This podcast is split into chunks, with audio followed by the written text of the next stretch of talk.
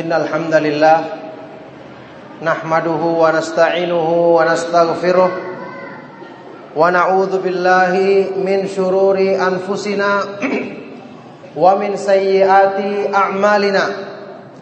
من يهده الله فلا مضل له ومن يضلل فلا هادي له وأشهد أن لا إله إلا الله وحده لا شريك له وأشهد أن محمدا عبده ورسوله.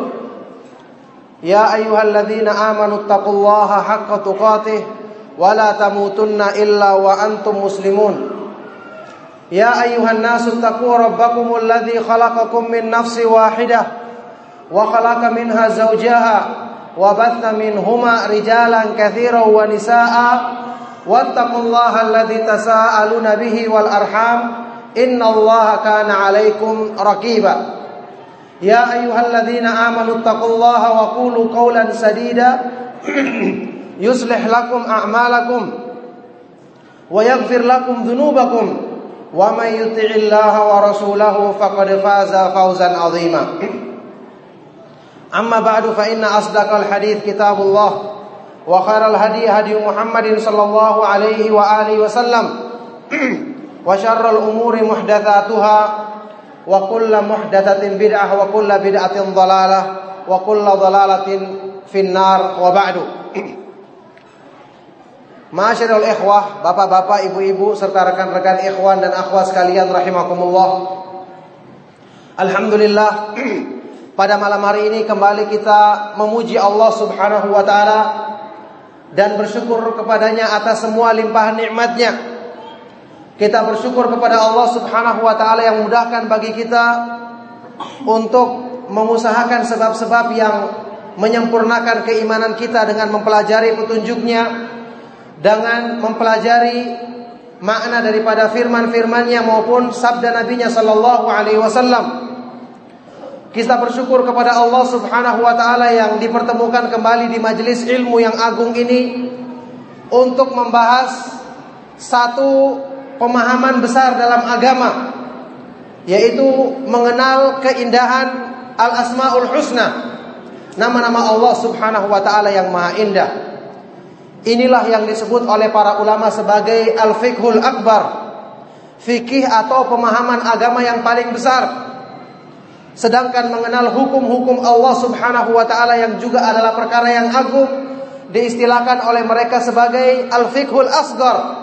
Fikih yang lebih kecil karena mengenal kemuliaan, keindahan dan keagungan nama-nama dan sifat-sifat Allah Subhanahu wa taala adalah perkara yang paling utama perkara yang paling pokok dalam Islam yang hanya dengan inilah seseorang bisa mencapai kecintaan yang sebenarnya kepada Allah Subhanahu wa taala yang dengan itu dia akan bisa mewujudkan peribadatan yang sempurna di hadapan Allah Subhanahu wa taala. Oleh karena itu, mengenal nama-nama dan sifat-sifat Allah ini adalah asasu kulli ilmin. Kata para ulama, landasan utama semua ilmu pengetahuan, semua kebaikan bagi manusia. Siapa yang ingin mengarahkan hidupnya dengan lebih teratur, mengarahkan hidupnya agar sesuai dengan petunjuk Allah Subhanahu wa taala, merubah dirinya agar lebih memikirkan keselamatan dirinya, kebahagiaan dirinya di dunia dan di akhirat, maka mulailah dengan mengisi hidup dengan mengenal petunjuk Allah Subhanahu wa taala. Karena orang yang tidak mengenal Allah, tidak mengenal Robnya, tidak mengenal penciptanya, maka pasti dan pasti dia tidak akan mengenal kebaikan untuk dirinya sendiri, dia tidak akan mengenal tujuan hidupnya. Allah Subhanahu wa taala berfirman dalam Al-Qur'an, "Wala takunu kalladzina nasullaha fa'ansahum anfusahum ulaika humul fasikun." Dan janganlah kalian berbuat seperti orang-orang yang nasullaha lalai kepada Allah dan sebesar-besar sifat lalai lupa kepada Allah adalah tidak mengenal kemuliaan nama-nama dan sifat-sifatnya. Janganlah kalian menjadi seperti orang-orang yang lalai dan tidak mengenal Allah sehingga Allah Subhanahu wa taala menjadikan orang ini lupa kepada dirinya sendiri, lupa kepada tujuan hidupnya, kemaslahatan hidupnya, kepada apa-apa yang mendatangkan kebaikan bagi dirinya di dunia dan di akhirat nanti. Ulaika humul fasikun. Mereka adalah orang-orang yang fasik, orang-orang yang rusak, yang rusak keadaannya. Maka di sini ma'asyiral muslimin rahimakumullah kedudukan ilmu memahami keagungan keindahan nama-nama dan sifat-sifat Allah Subhanahu wa taala adalah sangat besar sekali dalam perannya menyempurnakan keimanan seorang manusia. Rasulullah Shallallahu Alaihi Wasallam sewaktu memberitakan dalam hadis Sahih riwayat Imam Muslim, Inna Allah jamilun yuhibbul jamal. Sesungguhnya Allah Subhanahu Wa Taala maha indah dan mencintai yang indah, keindahan. Allah Subhanahu Wa Taala mencintai pada diri, manusia keindahan yang lahir dan batin. Lahirnya diisi dengan ketaatan kepada Allah, batinnya diisi dengan keindahan iman. kemanisan mengenal Allah Subhanahu wa taala, kemanisan takwa kepadanya, Allah Subhanahu wa taala mencintai ini. Allah Subhanahu wa taala jamilun maha indah. Indah dalam zatnya, nama-namanya, sifat-sifatnya dan perbuatan-perbuatannya. Maka orang yang tidak mengenal keindahan nama-nama dan sifat Allah, bagaimana mungkin dia bisa mencintainya? Bagaimana mungkin dia bisa mengagungkannya dengan pengagungan yang sebenarnya? hanya orang yang benar-benar mengenal Allah dengan pemahaman yang benar melalui pengenalan terhadap kesempurnaan nama-nama dan sifat-sifat Allah dalam ayat-ayat Al-Qur'an dan hadis Nabi Shallallahu alaihi wasallam dialah yang bisa mencintai Allah dengan kecintaan yang sebenarnya. Imam Ibnu Qayyim rahimahullah taala mengatakan man arafallaha bi asma'ihi wa sifatihi wa af'alihi ahabbahu la mahalata. Barang siapa yang mengenal keindahan dan kesempurnaan nama-nama Allah, sifat-sifatnya dan perbuatan-perbuatannya, maka dia pasti dan pasti akan mencintai Allah Subhanahu wa taala yang dengan ini akan menyempurnakan penghambaan dirinya di hadapannya. Ma'asyiral muslimin rahimakumullah. Kita akan mengkaji tentang keindahan nama-nama Allah. Subhanallah, baru mendengarkan judulnya kita sudah merasa satu kedahsyatan yang sangat besar. Karena kita akan membicarakan zat yang memiliki kemuliaan yang mutlak, tidak terbatas dari semua segi. Yang kemahaindahannya mencapai al-ghaya kesempurnaan, kemahasempurnaan pada puncaknya. Kita akan membicarakan tentang zat yang keindahan dan kemuliaannya tidak terbatas. Maka bagaimana mungkin kita bisa jelaskan dalam satu majelis yang cuma satu atau dua jam misalnya. Sedangkan Rasulullah Shallallahu Alaihi Wasallam sendiri dalam hadis riwayat Imam Muslim mengucapkan dalam doanya, Allahumma inni a'udhu biridhaka min sahatika wa bi mu'afatika min uqubatika wa bika minka la uhsi thana'an 'alaika anta kama atnaita ala nafsik.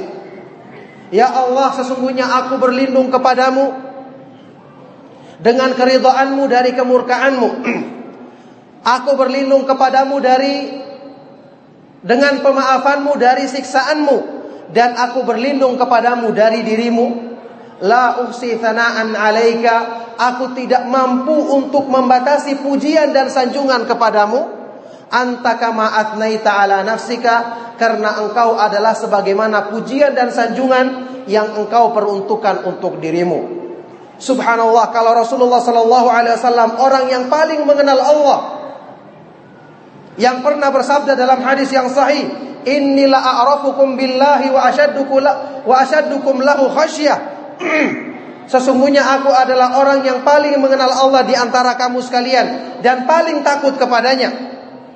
Kalau orang yang seperti ini keadaannya Nabi Shallallahu Alaihi Wasallam tidak bisa membatasi pujian bagi Allah Subhanahu Wa Taala dan sanjungan yang pantas untuk kemuliaannya, maka bagaimana kita bisa menjelaskan hal tersebut, bisa menggambarkan hal tersebut, maka sekali lagi bagaimanapun kita berusaha mensyukuri nikmat Allah, memujinya dengan segala sanjungan dan pujian yang pantas bagi kebesarannya, mengungkapkannya dengan bahasa yang seindah apa pun, maka kemuliaan Allah Subhanahu wa taala di atas semua itu kemuliaan Allah Subhanahu wa taala melebihi dari apa yang mampu digambarkan oleh akal dan pikiran manusia. sebagaimana kalimat-kalimat kesempurnaan dan kemuliaannya tidak bisa dituliskan sampai habis oleh semua apa pun yang makhluk yang besar yang ada di dunia ini. Sebagaimana firman Allah Subhanahu wa taala qul law kana al-bahru midadan li kalimati rabbi lanafidal bahru qabla an tanfada kalimatu rabbi walau ji'na bimithlihi bimithlihi madada. Katakanlah ya Rasulullah Laukan al-bahru seandainya lautan dijadikan sebagai tinta untuk menulis kalimat-kalimat Allah. Artinya apa?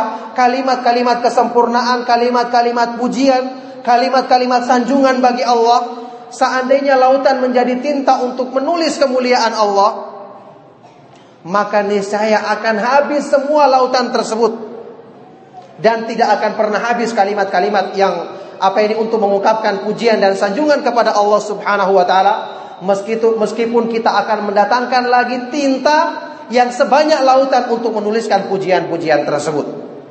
Maka maha suci Allah Subhanahu wa taala yang begitu besar nikmatnya kepada manusia begitu banyak kebaikan yang dilimpahkannya kepada manusia yang manusia justru membalasnya dengan maksiat membalasnya dengan tidak bersyukur membalasnya dengan tidak mengenal kemuliaan zat yang demikian banyak melimpahkan kebaikan kepadanya bersamaan dengan itu Allah Subhanahu wa taala tetap melimpahkan rahmatnya kepada mereka tetap menangguhkan siksaannya bagi mereka tetap memberikan pengampunan bagi orang-orang yang berbuat dosa kepadanya. Maka segala puji bagi Allah Subhanahu wa taala la nuhsi alaihi huwa kama athna ala nafsihi kita tidak mampu membatasi pujian dan sanjungan baginya karena dia adalah sebagaimana pujian dan sanjungan yang diperuntukannya untuk untuk dirinya sendiri. Inilah gambaran tentang keindahan Asmaul Husna. Yang mampu kita jelaskan adalah cuma yang bisa dibayangkan oleh akal pikiran dan apa yang bisa digambarkan oleh pikiran dan manusia dan Allah Subhanahu wa taala lebih utama dan lebih mulia dari semua itu. Oleh karena itu, salah satu di antara akidah yang penting dari pemahaman ahlu sunnah wal jamaah bahwa nama-nama dan sifat-sifat Allah subhanahu wa ta'ala tidak terbatas tidak bisa dibatasi dengan bilangan. Dalam hadis sahih riwayat Imam Ahmad dan yang lainnya Rasulullah sallallahu alaihi wasallam pernah bersabda wa as'aluka bikulli ismin huwa lak sammaita bihi nafsaka au anzaltahu fi kitabika au 'allamtahu ahadan min khalqika au ista'tharta bihi fi ilmil ghaib indak. Ya Allah, aku meminta kepadamu dengan semua nama yang kamu miliki. Yang kamu namakan dirimu dengannya atau yang kamu turunkan dalam kitabmu Al-Qur'an atau yang kamu ajarkan kepada salah seorang dari makhlukmu atau yang engkau istatal tabihi khususkan bagi dirimu pada ilmu goib yang ada di sisimu. Ini dalil yang tegas yang menunjukkan bahwa ada nama-nama Allah, sifat-sifat kesempurnaannya yang tidak Allah terangkan kepada manusia. Yang Allah Subhanahu wa taala khususkan bagi dirinya sendiri. Maka ini menunjukkan nama-nama dan sifat-sifat Allah Subhanahu wa taala tidak bisa dibatasi Adapun makna daripada hadis yang terkenal riwayat Bukhari dan Muslim sabda Nabi sallallahu alaihi wasallam inna lillahi tis'atan wa, wa, is, wa tis'ina isman man ahsaha dakhalal jannah Sesungguhnya Allah Subhanahu wa taala memiliki 99 nama yang barang siapa menghafalnya, menghitungnya, maka dia akan masuk ke dalam sorga. Hadis ini tidak bertentangan dengan hadis yang pertama. Karena hadis yang kedua ini menjelaskan tentang ada 99 nama yang memiliki keutamaan khusus. Barang siapa yang menghafalnya dia akan masuk ke dalam sorga. Yang ini tidak menafikan keberadaan nama-nama yang mulia yang dimiliki oleh Allah Subhanahu wa taala yang selain daripada 99 nama tersebut.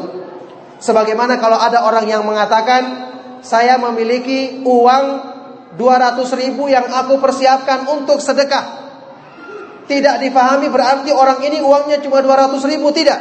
Tetapi maksudnya yang 200 ribu itu adalah untuk sedekah. Uang yang lain masih ada dipersiapkan untuk keperluan-keperluan yang lainnya. Yang jelas ini untuk kita lebih mendalami tentang keindahan nama-nama Allah, maka perlu kita memahami kaidah penting ini bahwa nama-nama dan sifat-sifat Allah Subhanahu wa taala tidak terbatas dan tidak mampu dibatasi oleh akal pikiran manusia. Rasulullah Shallallahu alaihi wasallam bahkan pernah menggambarkan dalam hadis sahih tentang syafaat, syafaatul uzma di hari kiamat ketika manusia menghadapi uh, menunggu keputusan dari Allah Subhanahu wa taala yang waktu itu mereka mengalami hal yang sangat dahsyat. Semua ditenggelamkan dengan keringat-keringat mereka. Ketika manusia meminta syafaat kepada beberapa nabi yang utama, semua mengajukan udur. Kemudian Allah Subhanahu wa taala memberikan izin kepada Rasulullah sallallahu alaihi wasallam untuk memberikan yang namanya asyafaatul uzma, syafaat yang paling agung. Di situ Rasulullah sallallahu alaihi wasallam memuji Allah dengan pujian-pujian yang Rasulullah sallallahu alaihi wasallam tidak ingat sewaktu menyampaikan hadis ini. Beliau mengatakan fa'alhamani minal mahamidi mala uhsinuhal an. Pada waktu itu Allah mengilhamkan kepadaku pujian-pujian yang saat ini aku tidak ingat pujian tersebut. Jadi Rasulullah Shallallahu Alaihi Wasallam menetapkan demikian. Ada pujian-pujian kemuliaan bagi Allah yang cuma nanti Rasulullah Shallallahu Alaihi Wasallam diilhamkan untuk mengungkapkannya pada pada hari kiamat yang ini menggambarkan tentang tidak terbatasnya kesempurnaan dan kemuliaan sifat-sifat Allah Subhanahu wa taala karena Allah Subhanahu wa taala adalah zat yang maha tidak terbatas segala keindahan dan kesempurnaan yang dimiliki baik dalam zatnya, nama-namanya, sifat-sifatnya dan semua perbuatannya. Maka kita kembali kepada pengertian keindahan dalam al-asmaul husna. Walillahil asmaul husna fad'uhu biha. Dan Allah memiliki nama-nama yang maha indah kita katakan maha indah karena inilah yang mampu diungkapkan dalam bahasa kita. Allah memiliki nama-nama yang maha indah maka berdoalah kepada Allah dengan nama-nama tersebut. Apa artinya al-husna? Al-husna secara bahasa artinya balighatun fil husni goyataha. Sesuatu yang keindahannya mencapai puncak kemahasempurnaan. Sesuatu yang keindahannya mencapai puncak kemahasempurnaan. Sehingga segala sesuatu yang menggambarkan tentang keindahan, kemahasempurnaan itu semua ada pada nama-nama dan sifat-sifat Allah Subhanahu wa taala. Makanya dalam kitab tafsir Taisir Karimur Rahman fi tafsir Kalimir Karimir fi tafsir Kalimir Rahman fi tafsir Kalamil Mannan tulisan Syekh Abdurrahman As-Sa'di beliau menjelaskan beberapa segi yang menggambarkan kemahaindahan Asmaul Husna. Kenapa Asmaul Husna itu dikatakan maha indah?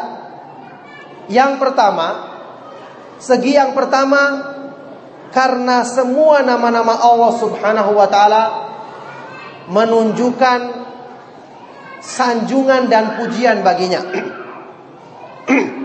menunjukkan sanjungan dan pujian baginya. Semua nama Allah Subhanahu wa taala demikian. Tidak ada satupun dari nama-nama Allah Subhanahu wa taala kecuali dia itu memiliki sifat maha indah yang menunjukkan pujian dan sanjungan bagi Allah Subhanahu wa taala dari semua segi. Oleh karena itu, dari sini kita mengetahui kekeliruan sebagian dari orang yang mengucapkan nama Allah Subhanahu wa taala yang kalau ditelusuri ternyata nama tersebut mengandung sifat celaan. Ada yang terjadi masalah ini kenapa? Mereka mengambil asmaul husna dari hadis yang dhaif, hadis yang lemah. Ada hadis riwayat Tirmidzi yang disebut di situ menyebutkan jumlah nama yang 99 dengan perinciannya hadis ini sangat lemah dan di antaranya mengandung nama-nama yang tidak pantas bagi Allah Subhanahu wa taala. Contohnya nama Al-Muntakim.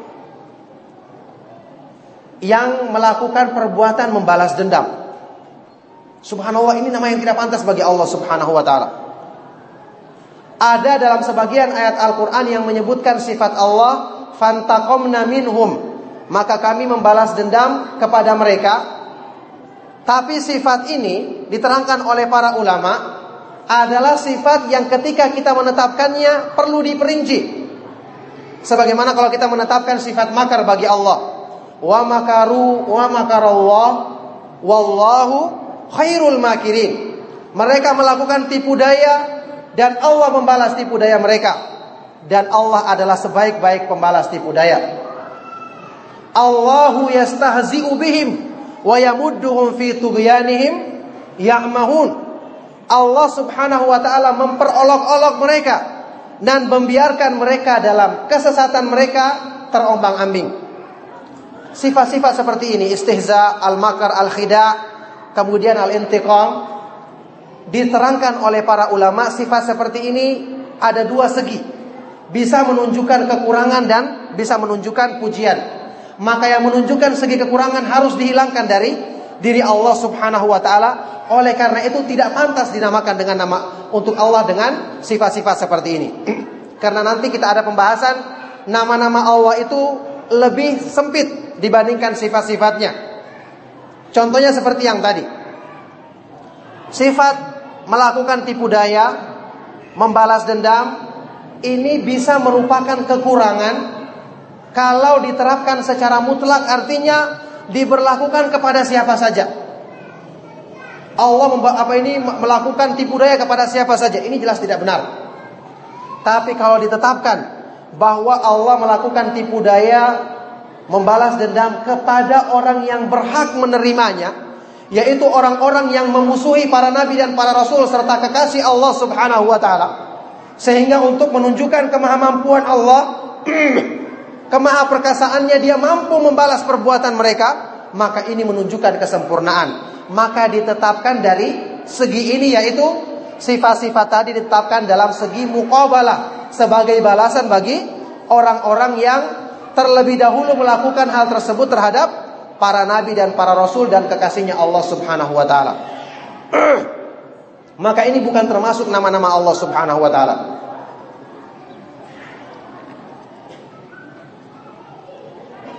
Jadi karena nama-nama Allah itu harus indah, maha indah dari semua segi, maka tidak boleh kita menetapkan kecuali dengan nama yang Allah sebutkan untuk dirinya sendiri. Tidak boleh kita tambah-tambah. Kalau ada yang mengatakan ini kan bagus, kita katakan menurut siapa bagusnya? Apakah anda lebih mengetahui tentang apa yang pantas bagi Allah dibandingkan Allah sendiri? Antum a'lamu amillah Apakah kamu lebih mengetahui tentang yang pantas bagi Allah dibandingkan Allah sendiri? Allah tidak menetapkan untuk dirinya, kenapa kita kurang ajar untuk menetapkannya? Jadi tidak boleh kita menambah-nambahkan dalam masalah nama-nama Allah Subhanahu wa taala karena dia harus maha indah dari semua segi. Makanya saya sering ingatkan, kalau kita menerjemahkan satu nama Allah, kita hati-hati. Paling selamat kita sebutkan dulu lafaz bahasa Arabnya. Baru tulis dalam kurung misalnya artinya. Kalau kita mau mengatakan Misalnya uh, Ar-Rabb kita tulis Allah adalah Ar-Rabb dalam kurung Maha Pengatur, Maha Pencipta atau Tuhan pencipta alam semesta misalnya. Boleh. Yang penting tulis dalam kurung. Tapi jangan langsung kita mengatakan Allah adalah Tuhan misalnya. Karena Allah tidak menamakan dirinya dengan kata-kata Tuhan. Meskipun itu merupakan terjemahan bahasa Indonesia. Maka untuk adab sopan santun terhadap Allah adalah kita menetapkan sesuai dengan yang Allah tetapkan bagi dirinya baru kita sebutkan terjemahannya. Juga jangan kita menamakan dengan tambahan. Seperti ucapannya sebagian dari orang di Indonesia, Gusti Allah. Gusti Allah, siapa yang menamakan apa ini? Ada kata-kata Gusti dalam nama Allah Subhanahu wa taala. Ini tidak pantas bagi Allah Subhanahu wa taala. Apalagi orang-orang yang kemudian menamakan dengan nama-nama yang lain atau sifat-sifat yang lain, maka ini bertentangan dengan kemahaindahan nama-nama Allah Subhanahu wa taala yang telah Allah pilih bagi dirinya sendiri. Itu segi yang pertama. Segi yang kedua, kemahaindahan nama-nama dan sifat-sifat Allah Subhanahu wa taala. Kemahaindahan nama-nama Allah Subhanahu wa taala ditinjau dari segi Ditinjau dari segi karena kata Ibnu Qayyim asmaullahi taala a'lamun wa awsaf. Nama-nama Allah Subhanahu wa taala itu dia adalah a'lam. Nama-nama yang menunjukkan pada zat Allah Subhanahu wa taala sekaligus mengandung awsaf sifat-sifat yang sifat-sifat kesempurnaan yang dikandung nama-nama tersebut. Jadi bukan cuma nama semata-mata tanpa arti. Ini ucapannya sebagian dari ahlul bidah orang-orang yang sesat mengatakan Allah itu namanya ya cuma nama tanpa ada arti. Ini adalah perkara yang diketahui oleh semua orang yang paham bahasa. Mereka mengatakan misalnya Allah itu as-sami bila sama. Allah itu maha mendengar tapi tidak punya pendengaran. Subhanallah perkara yang paling lucu. Tidak pantas dalam Al-Quran dikatakan demikian. Allah itu al-alim bila, bila ilim. Maha mengetahui tapi tidak punya ilmu. Subhanallah ini adalah perkara yang sangat menggelikan. Jadi mereka menafikan menolak semua sifat-sifat Allah dan hanya menetapkan nama-namanya. Kalau ditanya kenapa Anda apa ini meniadakan sifat-sifat tersebut? Karena kalau kita menetapkannya berarti kita menyamakannya dengan makhluk. Tapi kita katakan kalau begitu hilangkan sekalian namanya juga. Karena makhluk juga punya nama. Maka mereka akan kebingungan. Kita punya kaidah waktu kita menetapkan nama-nama dan sifat-sifat Allah, punya kaidah umum dalam ayat Al-Qur'an, laisa kamitslihi syai'un wa samiul basir. Allah itu tidak serupa dengan sesuatu apa pun. Dan dia maha mendengar lagi maha melihat. Semua nama-nama dan sifat-sifat yang kita tetapkan bagi Allah Subhanahu wa taala adalah sifat-sifat nama-nama dan sifat-sifat yang khusus miliknya. Dengan segala kesempurnaannya tidak sama dengan nama-nama dan sifat-sifat yang ada pada makhluk karena nama-nama dan sifat-sifat makhluk sesuai dengan kekurangan yang ada pada makhluk. Jadi kita menetapkan Allah Subhanahu wa taala memiliki nama-nama yang menunjukkan zatnya sehingga kalau secara penunjukan nama-nama tersebut maka nama Ar-Rahman, Ar-Rahim, kemudian nama As-Sami, Al-Basir semua menunjukkan zat yang satu yaitu Allah Subhanahu wa taala.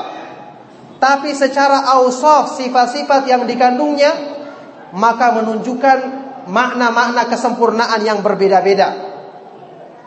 Al-Alim maha berilmu artinya Allah memiliki ilmu yang maha sempurna yang kesempurnaannya itu menggambarkan yang digambarkan dalam Allah Subhanahu wa taala dalam banyak ayat Al-Qur'an. Ilmunya Allah Subhanahu wa taala meliputi segala sesuatu dengan secara garis besar maupun terperinci.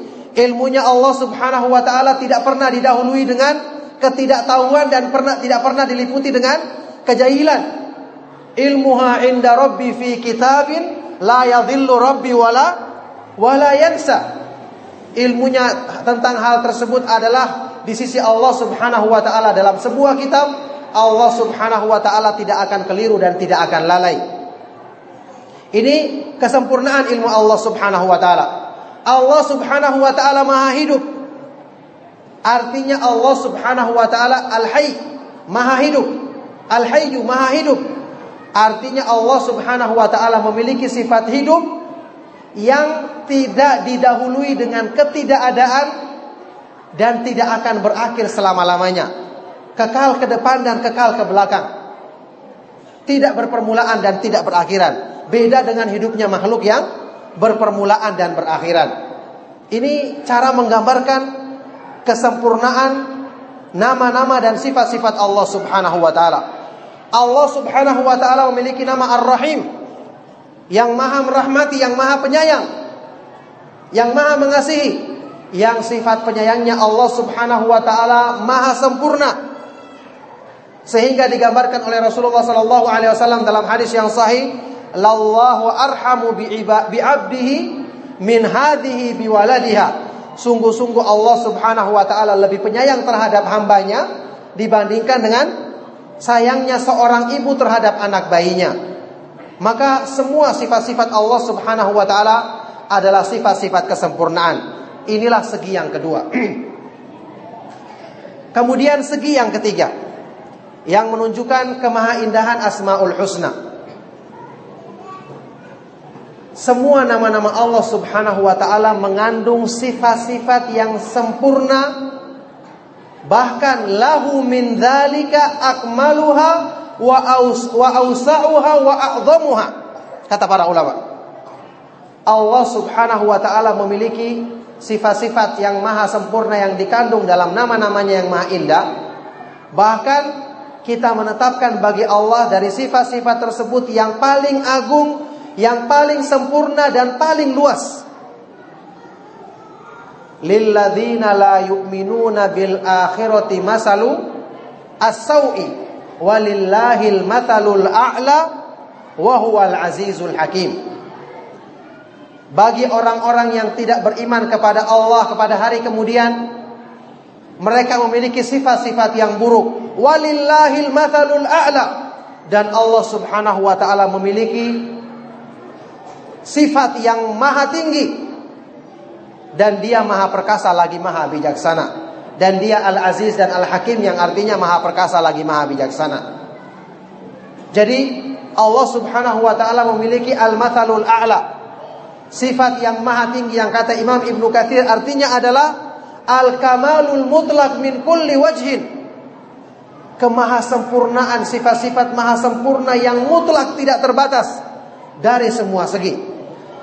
Oleh karena itu, di antara keyakinan atau akidah Ahlus Sunnah wal Jamaah, ketika kita mendapati Allah menetapkan satu sifat untuk dirinya dalam ayat-ayat Al-Qur'an dan hadis-hadis Nabi sallallahu alaihi wasallam, kita wajib menetapkan sifat tersebut bagi Allah Subhanahu wa taala dan meyakini itu adalah sifat yang maha sempurna yang sesuai dengan kebesaran dan keagungan Allah Subhanahu wa taala tidak sama dengan sifat-sifat makhluknya.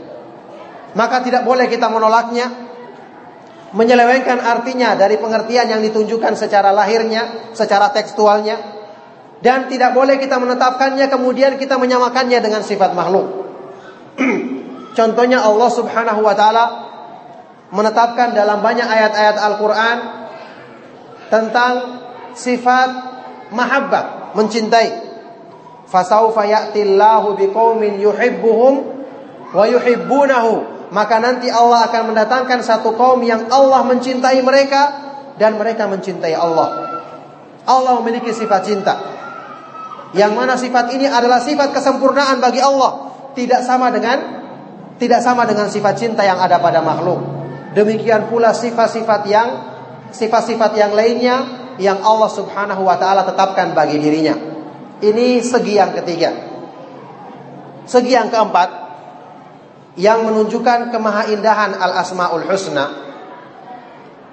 adalah karena Allah Subhanahu wa taala memerintahkan kepada hambanya untuk berdoa dan beribadah kepada Allah dengan kandungan nama-namanya yang maha indah. Ini menunjukkan Allah mencintai nama-namanya. Mencintai kandungan sifat yang terkandung padanya. Allah mencintai orang yang memahami kandungan nama-namanya. Serta mencintai orang yang berusaha untuk mempelajarinya, mengamalkannya dalam kehidupan. Allah subhanahu wa ta'ala berfirman, Walillahil asma'ul husna fad'uhu biha Wadarul ladzina yulhiduna fi asma'ihi sayujzauna ma kanu ma kanu ya'malun. Dan Allah Subhanahu wa taala memiliki nama-nama yang maha indah, maka berdoalah kalian kepada Allah dengan nama-nama tersebut.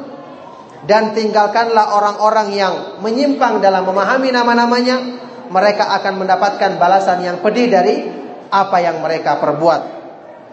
Jadi subhanallah, nama-nama Allah itu ternyata merupakan sebab untuk kita bisa melakukan satu ibadah yang besar yang Allah sangat mencintainya. Yaitu berdoa kepada Allah dengan Asmaul Husna. Diterangkan oleh para ulama Ibnu Qayyim, Syekh Abdurrahman As-Sa'di, Syekh Utsaimin dan para ulama yang lainnya.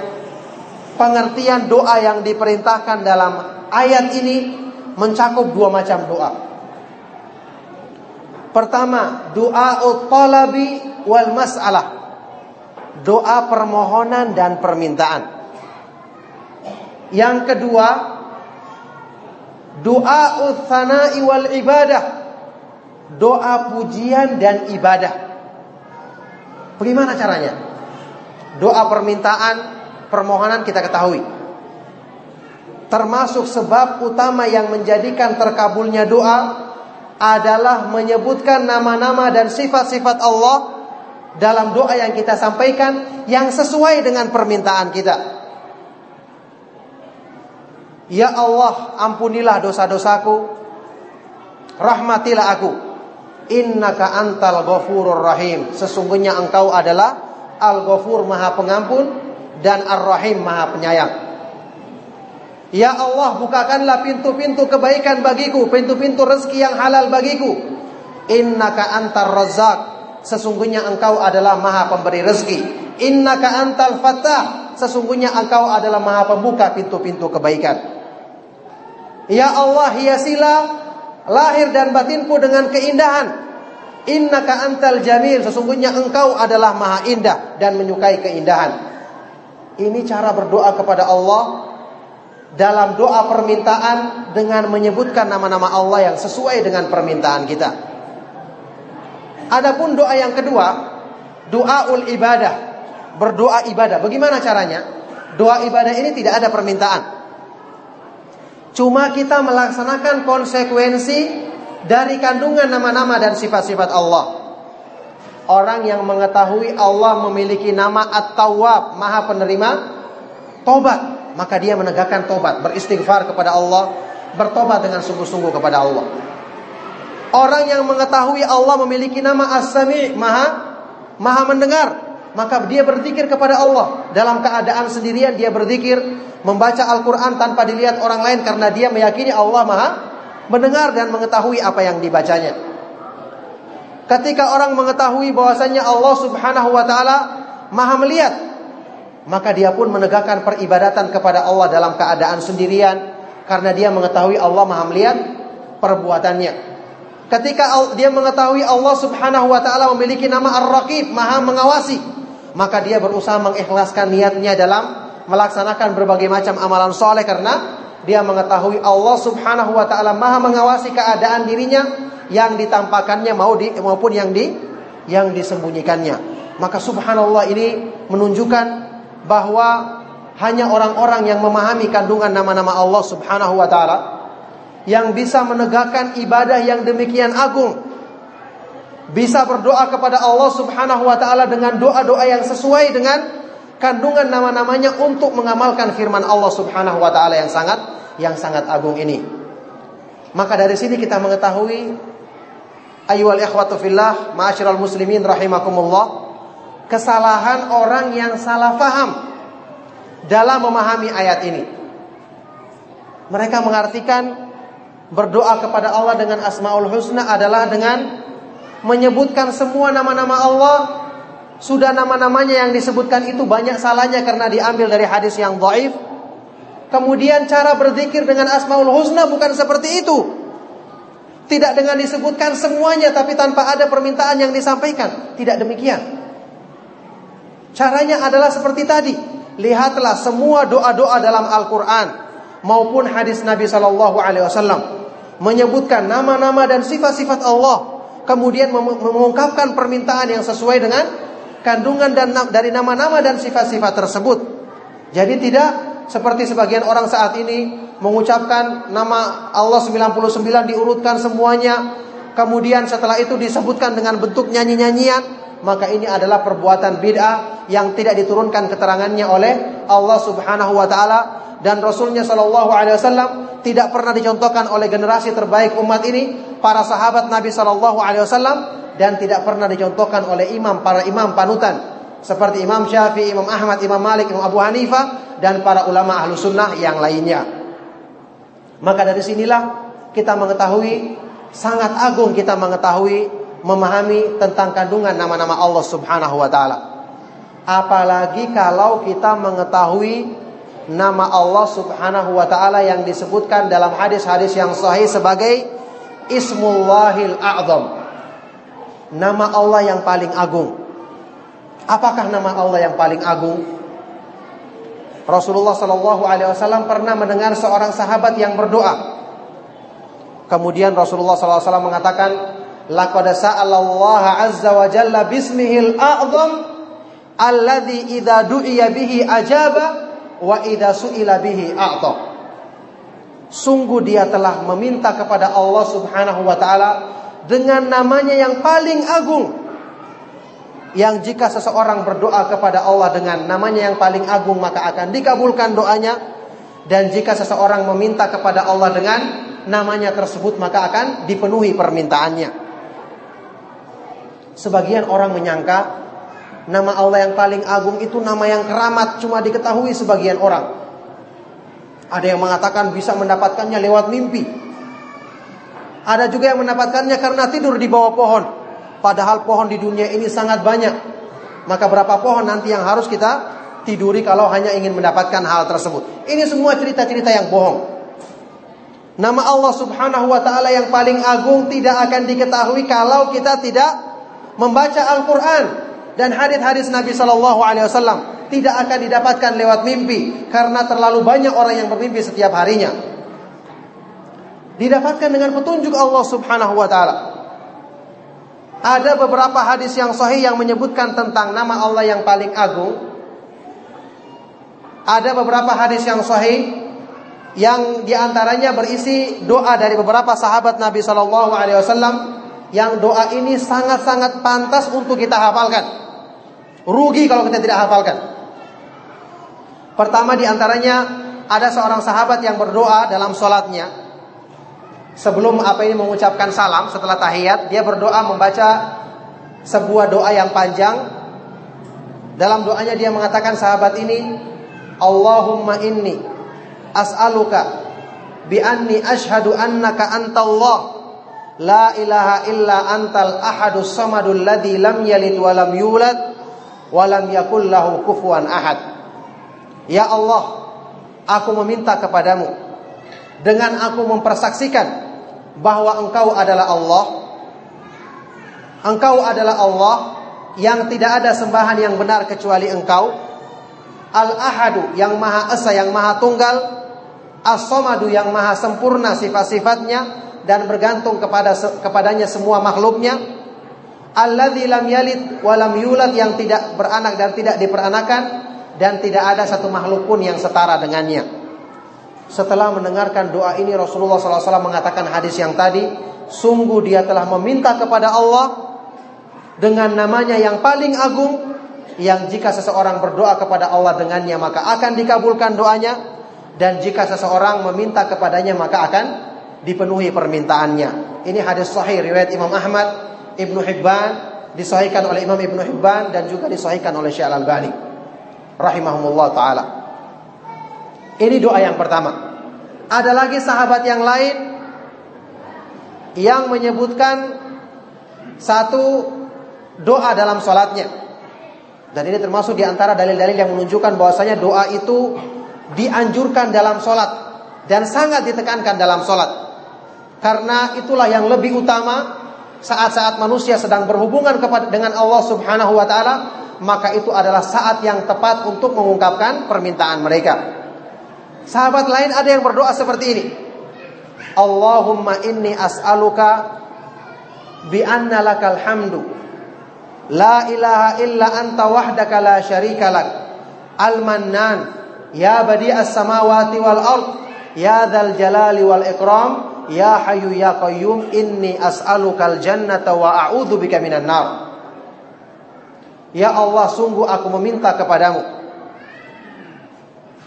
dengan aku menetapkan bahwasanya segala pujian adalah bagimu. La ilaha illa anta wahdaka la syarikalak tidak ada sembahan yang benar kecuali engkau semata-mata dan tidak ada sekutu bagimu. Al-Mannan ya wahai zat yang maha memberi anugerah kepada manusia Ya badi as-samawati wal ard wahai zat yang menciptakan langit-langit dan bumi tanpa ada contoh sebelumnya. Ya dal jalali wal ikram wahai zat yang maha memiliki kemuliaan dan kebesaran. Ya hayyu ya qayyum wahai zat yang maha hidup dan maha berdiri sendiri serta menegakkan makhluknya. Sesungguhnya aku meminta kepadamu sorga dan perlindungan dari siksaan neraka. Juga setelah mendengarkan doa orang sahabat yang mengucapkan doa ini, Rasulullah Shallallahu Alaihi Wasallam mengatakan kepada sahabat ini, laqad sa'altallaha bismihil a'zam. Sungguh kamu telah meminta kepada Allah dengan namanya yang paling agung yang jika seseorang berdoa dengannya maka akan dipenuhi doanya dan jika seseorang meminta dengannya maka akan dikabulkan permintaannya. Ini juga menggambarkan kepada kita bahwa doa-doa seperti ini ternyata ada dalam sunnah Nabi Shallallahu Alaihi Wasallam. Semua orang berhak untuk mengetahuinya dan bisa menghafalnya yang kemudian bisa disampaikan dalam doa-doa yang di, diucapkannya. Uh, jadi saya kembali tadi kepada pembahasan kita yang terakhir tentang nama Allah Subhanahu wa taala yang paling agung. Jadi memang para ulama menyebutkan bahwa secara spesifik tidak Allah Subhanahu wa taala dan Rasulnya Shallallahu alaihi wasallam tidak menyebutkan apakah nama Allah Subhanahu wa taala yang paling agung itu. Tujuannya adalah untuk agar manusia itu semangat mempelajari semua kandungan nama-nama dan sifat-sifat Allah Subhanahu wa taala karena semuanya adalah maha indah. Tapi para ulama dalam hal ini berijtihad untuk menentukan apakah nama tersebut. Ada beberapa pendapat yang tidak didukung dengan dalil dan pendapat yang paling dekat kepada kebenaran insya Allah tidak lepas dari tiga pendapat. Pertama, ini karena sudah waktu saya ringkas ya. Pertama, Nama Allah Subhanahu wa taala pendapat yang pertama yang mengatakan nama Allah Subhanahu wa taala yang paling agung adalah Allah, nama Allah. Karena inilah nama yang paling banyak disebutkan dalam Al-Qur'an. Dan nama inilah yang merupakan nama Allah Subhanahu wa taala yang paling sering apa ini disebutkan untuk Allah Subhanahu wa taala. Bahkan semua kandungan Asmaul Husna kembali kepada nama ini. Kemudian nama ini apa ini disebutkan dalam semua hadis-hadis yang menyebutkan tentang Ismullahil A'zam. Sehingga nama ini termasuk yang sangat uh, banyak dikuatkan oleh para ulama sebagai nama Allah yang paling agung. Di antaranya beberapa udah apa ini dari kalangan ulama, ulama tabi'in, kemudian ulama ahlu sunnah seperti Abu Abdullah ibnu Mandah, kemudian Syekh Al Albani juga kalau nggak salah menguatkan nama ini. Pernah beliau isyaratkan untuk menguatkan nama ini sebagai nama Allah yang paling agung dan beberapa ulama yang lainnya. Ini adalah termasuk pendapat yang masyhur di kalangan para ulama. Kemudian pendapat yang kedua, nama Allah yang paling agung adalah Al-Hayyu Al-Qayyum. Yang maha hidup dan maha dan Al-Qayyum yaitu maha tegak, maha berdiri sendiri dan menegakkan makhluknya. Ini pendapat yang dikuatkan oleh Imam Ibnu Qayyim juga Syekh Utsaimin rahimahullah taala menguatkan pendapat ini. Cuma nama ini tidak disebutkan dalam semua hadis-hadis yang menyebutkan tentang Ismullahil A'zam, nama Allah yang paling agung sehingga dari sisi ini sisi ini ada kelemahan dalam pendapat yang kedua ini. Ada pendapat yang ketiga yang disebutkan oleh Syekh Abdurrahman As-Sa'di yang ini mencakup atau menjamak semua pendapat yang menyebutkan tentang nama Allah Subhanahu wa taala yang yang paling agung. Beliau mengatakan nama Allah yang paling agung itu kita akan ketahui kalau kita mengetahui ada pembagian dua nama Allah Subhanahu wa taala. Ada nama-nama Allah yang mengandung atau mengandung pengertian sifat satu, dua atau terbatas. Kemudian ada nama-nama yang lain yang mengandung sifat yang sangat luas dan tidak terbatas. Seperti nama Allah Allah sendiri.